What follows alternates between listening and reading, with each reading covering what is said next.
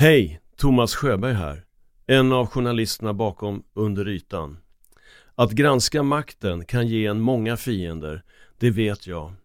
För att vi ska kunna fortsätta granska de historier som finns under ytan ger vi dig möjligheten att stötta oss genom att bli medlem av Under ytan plus för 39 kronor i månaden. Då kan du förhandslyssna på hela serien direkt utan reklam samtidigt som det möjliggör vårt fortsatta arbete. Följ bara länken i avsnittsbeskrivningen. Tack för att du lyssnar. Hej, det är Ryan Reynolds och jag är här med Keith, co-star of my upcoming film If, only in theaters May 17th. Do you want to tell people the big news? All right, I'll do it. Sign up now and you'll get unlimited for $15 a month in six months of Paramount Plus Essential Plan on us. Mintmobile.com slash switch. Upfront payment of $45 equivalent to $15 per month. Unlimited over 40 gigabytes per month. Face lower speeds. Videos at 480p. Active Mint customers by 531.24 get six months of Paramount Plus Essential Plan. Auto renews after six months. Offer ends May 31st, 2024. Separate Paramount Plus registration required. Terms and conditions apply if rated PG. Hiring for your small business? If you're not looking for professionals on LinkedIn, you're looking in the wrong place. That's like looking for your car keys in a fish tank. LinkedIn helps you hire professionals you can't find anywhere else, even those who aren't actively searching for a new job but might be open to the perfect role. In a given month, over 70% of LinkedIn users don't even visit other leading job sites. So start looking in the right place. With LinkedIn, you can hire professionals like a professional. Post your free job on linkedin.com slash achieve today.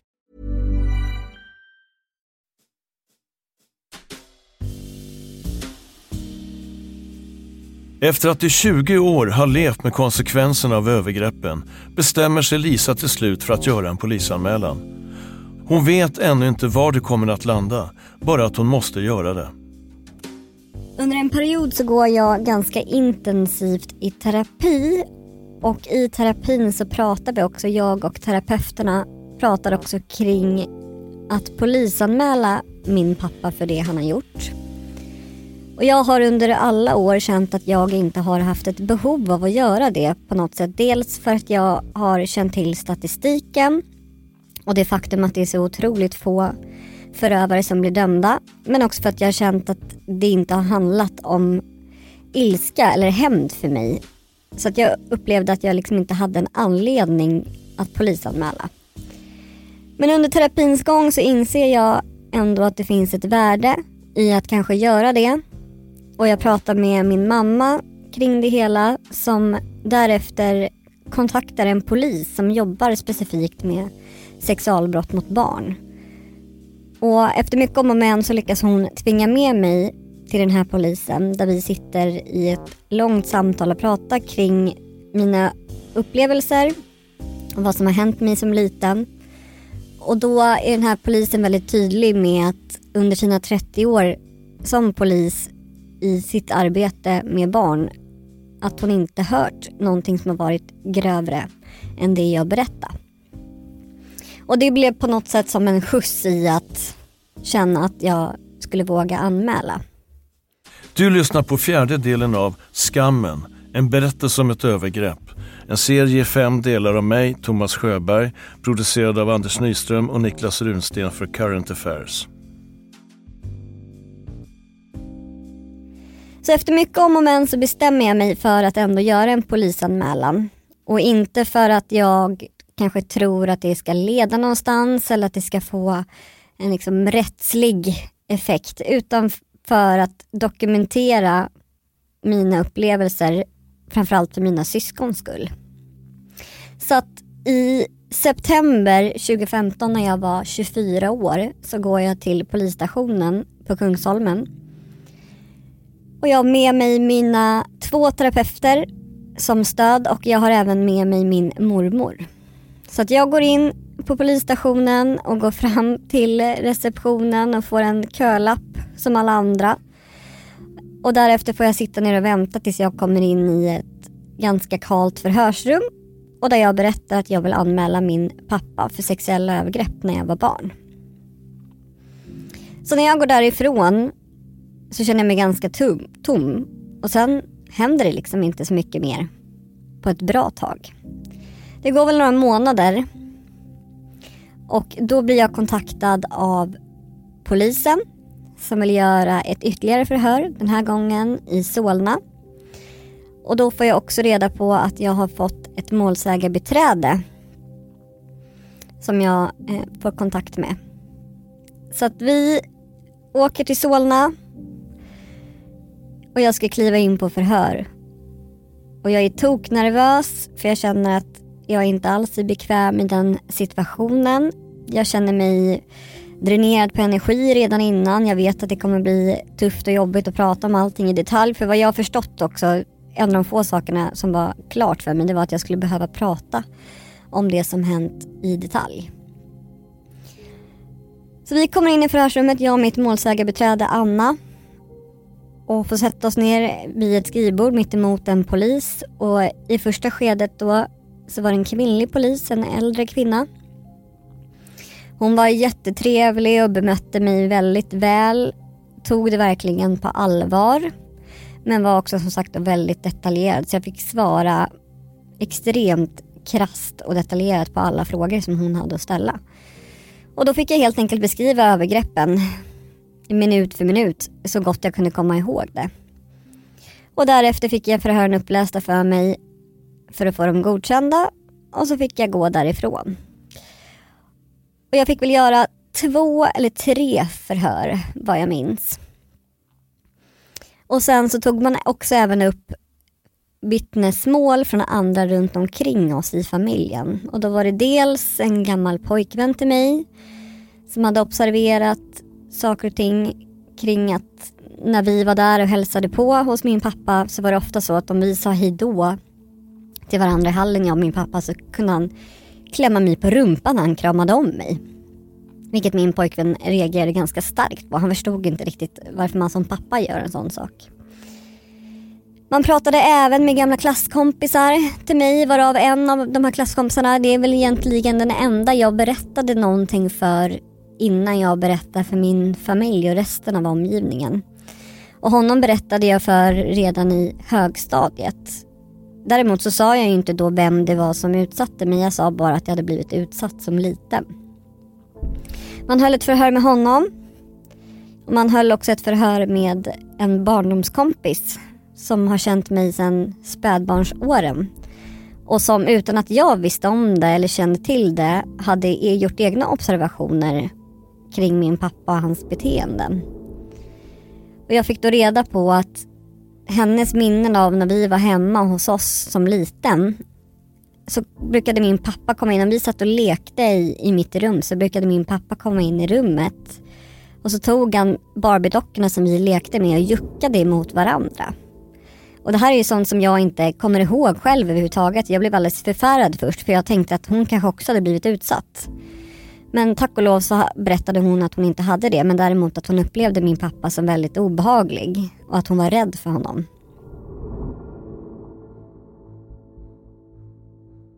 Men det går ju en tid, man förhör som sagt mig och man förhör vittnen och sen går det ytterligare ett antal månader, jag tror nästan att det går sex månader innan vi hör någonting mer.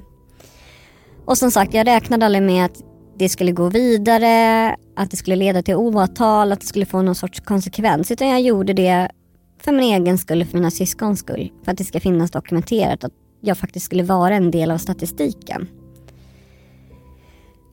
Och efter cirka ett halvår där så blir jag kontaktad av polisen för att jag hade bett om att jag skulle få reda på ungefär i tid när min pappa skulle bli förhörd så att jag på något sätt kunde känna mig förberedd mentalt om saker skulle hända. Jag visste ju heller inte hur pappa skulle reagera om han skulle bli så pass arg och upprörd att han försökte söka upp mig eller kontakta mig. Jag visste liksom ingenting kring hans reaktion på det här. Så vi fick en förvarning om när han skulle förhöras. Och bara det i sig kändes ju otroligt eh, tufft och jobbigt. Men samtidigt också skönt att han på riktigt förstod att jag inte bara tänkte hålla tyst längre och att jag faktiskt gjorde det som var rätt. Lisas mamma Marie, vars perspektiv vi också följer i den här berättelsen, tacklar situationen på ett annat sätt. Där Lisa är mer konsekvenstänkande och försiktig är Marie mer verbal och direkt. Hennes intention var ju aldrig att sätta dit sin pappa. Jag ville ju att hon skulle polisanmäla på en gång, men hon ville inte det. För hon sa att det, det som har hänt har hänt. Eh, jag kan inte göra någonting åt det. Det går liksom inte att bevisa någonting. Så att jag släppte det vid det. Och min första tanke var också att han ska ju bara dö. Den jäveln ska dö. Men så kände jag att nej, det ska han inte göra. Han ska leva hela livet och han ska tänka på det här. Så polisanmälan görs. Och då först kan jag också kontakta honom. Eh, vilket jag gör via sms. Och jag får inga svar. Jag ser ju att han läs, läser sms, men jag får inga svar. Vilket för mig också blir att han bekräftar det han har gjort. Därför att hade han varit oskyldig... Nu, nu hör jag till saken att jag, jag tvivlade inte på henne en sekund. Inte en sekund. Eh, trots att det här var så långt ifrån vad jag ens kunde föreställa mig. Mitt första sms till honom sker precis när jag gör polisanmälan. Och då skriver jag så här. Jag har gått hos psykolog sedan januari varje vecka. Tusen kronor per besök. Det har hittills kostat 44 000 kronor. Det ska du sätta in på mitt konto i Swedbank och så mitt kontonummer då. Så vidarebefordrar jag det till mamma som hela tiden har betalat. Sen ska du med start 1 november skicka 4 000 kronor per månad till samma kontonummer för hennes fortsatta terapi.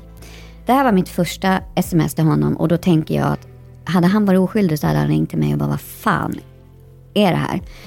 Eh, men hans tystnad bekräftar ju bara hennes historia. Sen sitter jag en dag och är på väg till vår tandläkare och det är en tandläkare som jag har haft personligen i många, många år och som jag då introducerade för min exman. Jag inser när jag åker dit att vänta nu, han går ju där fortfarande tillsammans med sin nuvarande fru och barn. Så då skriver jag bara, jag föreslår att du skaffar dig en annan tandläkare. Jag får inget svar. Tänker okej, okay, ja. Någon månad senare skickar jag ytterligare ett. Då skriver jag, jag berättar för alla jag träffar. Alla. Inget svar. Sen är jag väl lite arg här vid något tillfälle, så då skickar jag något ytterligare någon månad senare. Det finns tre ställen du inte vill träffa på mig, eller de i min närhet. I vår lokala galleria, på Citygross eller på Bauhaus. Rekommenderar andra ställen starkt. Får inget svar där heller. Sen skickar jag ytterligare ett någon månad senare. Nästa år kommer min självbiografi ut, helt osensurerad. Ska bli med ett nöje att få öppna garderoben. Den här biografin kommer inte ut därför att jag är inte mogen med att jag berättar den här storyn. Sen skickar jag ytterligare ett. När barn blir våldtagna är det tio års preskriptionstid från det att barnet fyllt 15 år. Det är få som vet det. Och då är det nämligen så att det är till och med 12 år när det är grovt sexuellt utnyttjande. Får inget svar. Sen skriver jag det näst sista smset. Idag fyller din dotter 24 år. I 20 år har hon mått dåligt och ingen av oss andra såg något. Bara du visste. En våldtagen och ledsen 24-åring. Män som våldtar borde inte få leva. Eller jo, leva med skam som äter upp dem inifrån. Nu har vi ett år på oss. Och så syftar jag på den här preskriptionstiden. Sen mitt sista sms. Om man är oskyldig, varför kämpar man inte då? Jag skulle aldrig kunna överge mina barn. Aldrig. Och det är det sista jag gör. Eh, den här polisanmälan görs och det blir flera förhör och eh, vet jag kom hem efter första förhöret och är vansinnig. Därför då tycker hon att de frågade om detaljer som vad jag hade för pyjamas, hur det såg ut i mitt rum och bla bla bla. bla. Men eh, vad jag förstod senare då så var det bara för att man ska säkerställa att det inte var något påhittat utan hon höll sig till samma historia vid varje förhör. Eh, och det är detaljerna som, som de är så avancerade, de är så duktiga poliserna så de vet ju precis vad de ska ställa för frågor. Sen ringer polisen oss och säger att vi kommer ta in honom för, på förhör. Och vi får ett datum och klockslag för när han ska vara där. Då bokar jag en tid hos en tatuerare. Jag gillar inte tatueringar. Men jag bokar en tid och ser till att den tiden stämmer överens med det exakt klockslag han sitter hos polisen och exakt datum. Och då sitter jag hos en tatuerare några kilometer ifrån polishuset där han sitter och blir förhörd och så tatuerar jag in karma i min nacke. Eh, och det betyder mycket för mig att den sitter där. Jag ser den inte, men den finns. Eh, han blir polisförhörd och han nekar förstås. Och i det här polisförhöret som jag själv inte har läst, men, men eh, berättar för mig. Där säger han att det är jag som har hittat på det här. Och det är också vad han säger till sina vänner och bekanta. Att det är jag och min mamma som har hittat på den här historien. Och då blir jag också så här, vänta lite här nu, vi har umgåtts i alla år efter vår skilsmässa. Varför skulle jag plötsligt bli dum i huvudet och hitta på en historia om att han har våldtagit vårt barn? Det, det liksom finns ju inte. Så att jag vet att några av hans gamla vänner, de tog ju direkt avstånd. Andra finns kvar. Jag förstår inte det där riktigt. Men det är deras val. Men vad händer egentligen med polisanmälan? Vi lyssnar på Lisa igen. Han blir förhörd och sen går det väl ytterligare några veckor och då får vi ett besked om, då ringer ansvarig för utredningen till mig eh, och berättar att man är tvungen att lägga ner utredningen för att teknisk bevisning inte kan stärkas.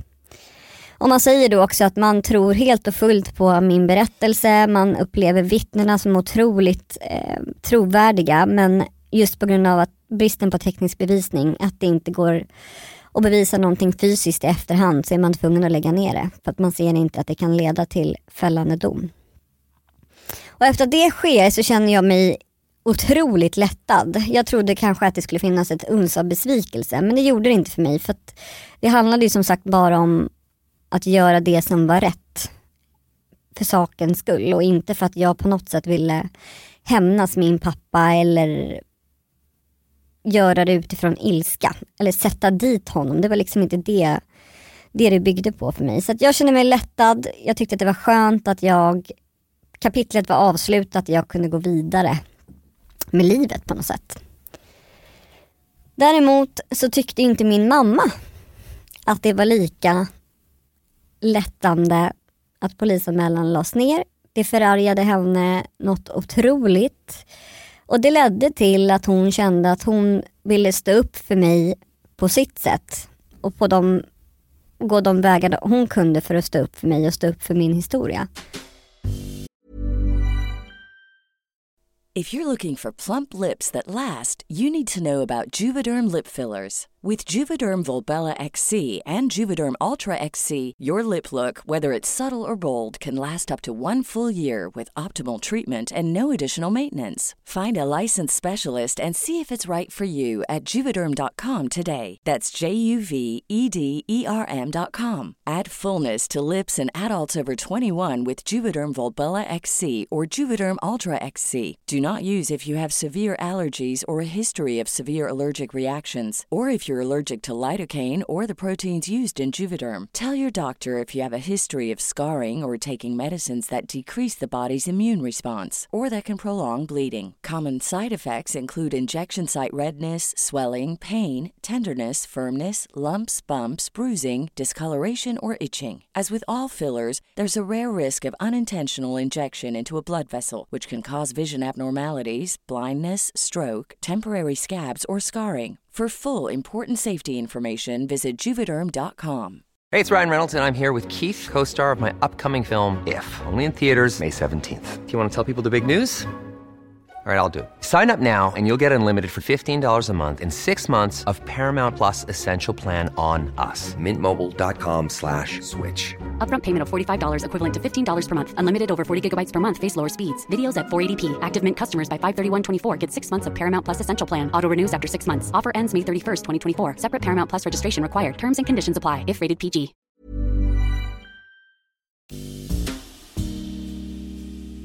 Marie blir arg och besviken på att utredningen läggs ner och hanterar det på sitt typiska sätt.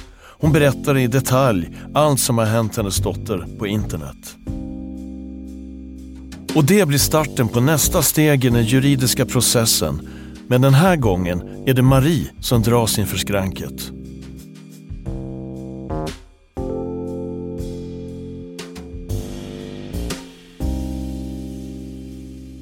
Vad jag inte vet då, det är att han och hans nuvarande fru naturligtvis läser det här inlägget och gör en polisanmälan. Det här vet inte jag.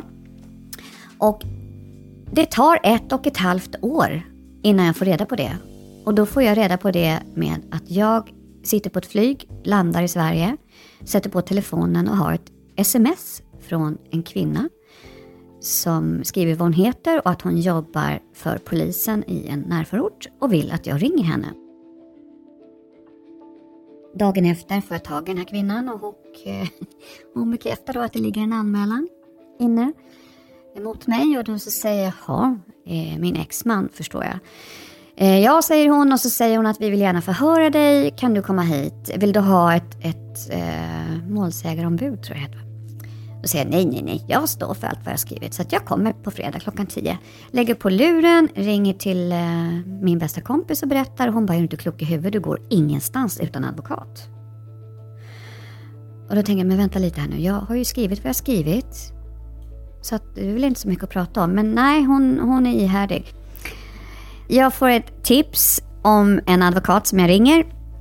Jag ringer dit, förklarar lite snabbt och eh, personen säger att jag ska gå och höra med advokaten här och det tar 30 sekunder så hör jag en mansröst som säger hej och så sitt namn. Jag tar det här. Så att vi träffas. Den här advokaten jobbar endast med tungt kriminella människor eh, och eh, först känner jag lite grann så här, men vänta lite här nu. Du jobbar med mördare och annat folk och så kommer jag då, överklasskärring från finförorten här, med ett förtal. Ja, men jag tycker att det här låter spännande och jag vill gärna ta det här. Och han säger på en gång att du kommer bli fälld. Så är det, för att grovt förtal det är ett av de eh, hårdaste, alltså allvarligaste brotten man kan, man kan eh, göra. Det visste inte jag. Men det är upp till två års fängelse på det. Men eftersom du aldrig har blivit dömd tidigare så kommer det ju inte bli fängelse. Men det finns en ganska stor risk för att du får eh, 6-7 månader. Och då kan du ansöka om fotboja. Maries vänner råder henne att ta bort inlägget på internet, men Marie vägrar. Jag tänker så här, nej, jag står för det här. Och eftersom jag inte såg någonting då, så tänker jag att jag ser nu. Och jag ser resten av mitt liv. Så att jag kommer aldrig att sluta prata om vad som har hänt henne. Eller oss, familjen. Förtalsanklagelserna leder till rättegång. Rättegången ska ske under två dagar och jag pratar med lite vänner och bekanta. Så att när vi kommer till tingsrätten så sitter ett gäng av mina kompisar där. Bland annat några av min exman som min gemensamma vänner. Exmannen dyker upp med sin nuvarande fru och jag som sagt känner honom väl så jag ser ju på honom att han får sig en chock. För han har ju naturligtvis föreställt sig att jag ska dölja det här så att jag skulle säkert vara ensam. Icke sa Nicke.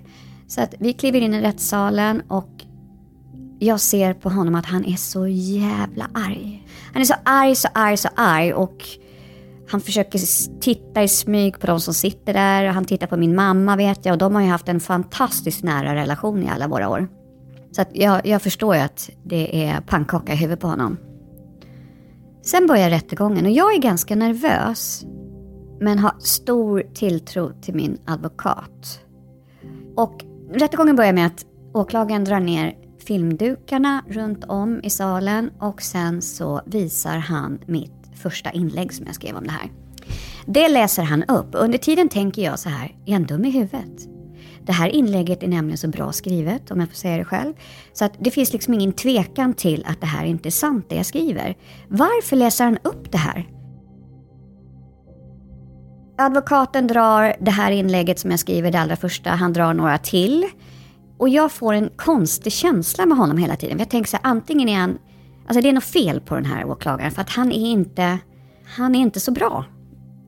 Han... Eh, nej, han är inte bra alls. Och det visar sig sen också att han är inte den åklagare som har drivit det här utan han har fått det här på sitt bord. Så det var så helt uppenbart efter dag två att han vill inte ha det här caset överhuvudtaget. Eh, det som min advokat sa till exempel, att han sa att hade jag stått i hans kläder så hade jag ju klämt dit dig och satt åt dig ordentligt. Men han gjorde inte ens något försök till att göra det. Plus att exmaken och hans fru då, för hans fru hade naturligtvis anmält mig också för grovt förtal. Eh, de hade ju en egen advokat och hon var också urkass. Så att hur som helst, advokaten, min advokat talade om för mig att du kommer bli fälld. Sen är det bara, vi ska försöka minimera skadan här. Försöka dra ner det till så kort straff som möjligt. Dag två kommer min dotter in som vittne. Och det hör till saken att när man har en rättegång med vittnen så måste motparten meddelas dessa vittnens namn och så. Eh, och då hade exmaken och hans advokat försökt att få tingsrätten att neka min dotters vittnesmål. En av anledningarna till att, att eh, de inte ville att min dotter skulle vittna, det var att, som åklagaren sa, vi betvivlar inte sanningshalten i den här berättelsen. Vi betvivlar inte att det här inte är sant, det som har hänt din dotter. Det vi tar upp här, det är om det är okej okay att skriva om det. Men rätten gick på min advokats linje och lät min dotter vittna. Men han hade ju preppat henne innan noggrant och sagt att du kommer bli avbruten och förmodligen ombedd att gå därifrån om du berättar saker som din pappa har gjort utan att du blir tillfrågad. Och då sa jag, vad menar du? Nej, du må, han säger till dottern då att du måste börja varje mening i vittnesmålet. Vad jag än frågar dig så ska du börja varje mening med, jag har berättat för min mamma att. Jag har berättat för min mamma att min pappa gjort det här, bla bla bla. För då kan de inte göra någonting. Mycket riktigt, eh, dörren öppnas, hon kallas in och jag ser på hela henne att fram till den dagen så har hon varit superstark i det här, men jag ser att hon håller på att rasa. Jag ser det på hennes gång, hennes, hennes kroppsspråk. Så hon kommer fram, sätter sig eh, och jag tittar på hennes pappa. Hennes pappa stirrar på henne argt och försöker psyka henne. Det går inte jättebra. Och hon drar sitt vittnesmål. Och samtidigt tittar jag på åklagaren som sitter med huvudet nedböjt, röd i ansiktet och jag känner bara, till och med han tror på henne. Sen går hon därifrån. Hade vi varit lite smarta så hade vi sett till att hon fick terapi innan rättegången och efter. För att hon fick som chock när hon väl såg honom. Hon hade ju inte sett honom på så länge så att hon var lite oförberedd på det. Så att hon mådde extremt dåligt efter det här. Rättegången avslutas och Marie får veta vilken dag domen ska meddelas. Klockan 11 släpps den. Jag sitter på Arlanda, eller på väg till Arlanda, för jag ska iväg på en affärsresa och vara borta ett par veckor. Jag ser första sidan i mejlen. Jag har fortfarande än idag, tre år senare, inte läst min dom. Jag har läst framsidan, där våra namn står. Jag läste att jag blev dömd att betala strax över 100 000 inklusive ränta och så till honom. Um, det ser jag. Och jag blir dömd, jag tror att det är tre månaders fängelse omvandlat till villkorligt. Och jag försöker ta in det här och känner att jag känner ingenting. Jaha, nej, ja okej. Okay. Men eh, jag känner att det är värt allting i världen, det här. Jag skriver på planet och sitter i flygplanet och innan vi taxar ut så skriver jag ett snabbt inlägg om att idag har jag blivit dömd till det här och det här. Sen skickar jag kopian på min dom till en vän hon har ett stort socialt konto, eller Instagramkonto med 100 000 följare. Sen stänger jag av min dator. När jag sätter på den 24 timmar senare så har skrivit om det här i sina sociala medier och det har ramlat in nästan hela skadeståndsbeloppet för att folk har swishat mig. Vi bestämde ganska snart ändå att vi skulle överklaga det här. Och eh, det dröjde ett år till innan det var dags för eh, att gå upp i tingsrätten igen. Men precis bara fyra dagar innan så beslöt vi att återkalla ärendet för att eh, Eh, helt enkelt för att min dotter inte klarade av att gå igenom det här en gång till och jag kände att det, det är inte värt det då. Samtidigt som jag, jag, jag fortsätter ju skriva om vad som har hänt och vad, vad, vi har, vad vi lever med. Och vill han anmäla mig så får han väl göra det. Och nästa gång kanske det blir fängelse, men då får det väl bli det. För jag tänker att jag kommer aldrig vara tyst. Jag kommer inte vara tyst. Och jag förstår, jag förstår att jag juridiskt sett har gjort något olagligt. I, i juridiskt sett, så att säga. Men det här är en sann historia. Frågan är då, har jag någon yttrandefrihet? Eller har jag, alltså vad, vad finns grundlagstiftningen i det här? Den måste ju göras om, tänker jag. För så som vi använder oss av lagen om grovt förtal. Jag tycker att vi tillämpar den på ett felaktigt sätt. Det är inte kompatibelt med hur sociala medier fungerar idag kontra när den här skrevs, den här lagen, jag tror den skrevs på 60-talet Något sånt där.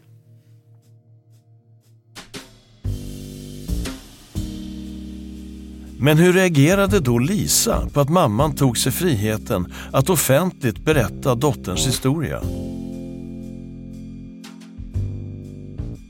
Och jag inser att det spelar ingen roll även om jag skulle säga till mamma att jag ångrar mig och jag vill inte att du ska, ska ha det här inlägget uppe längre.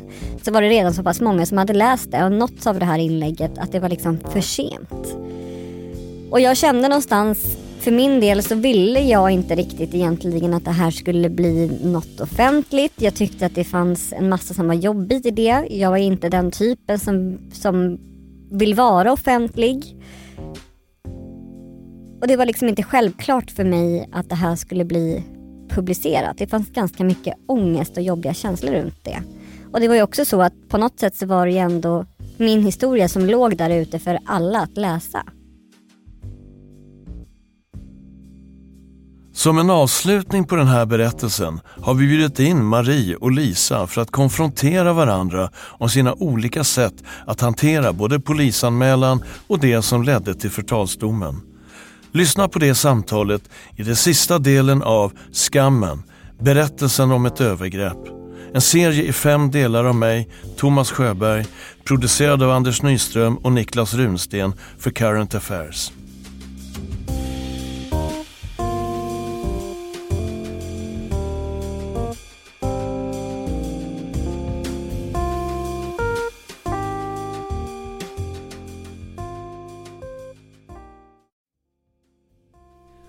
Grävande journalistik kräver mycket tid och arbete. Därför vill vi erbjuda dig ett sätt att stötta oss så att vi kan fortsätta granska historier som finns under ytan. Om du blir medlem i Under ytan plus för 39 kronor i månaden kan du lyssna på hela serien direkt utan reklam samtidigt som du möjliggör vårt fortsatta arbete. Följ bara länken i avsnittsbeskrivningen. Tack för att du lyssnar.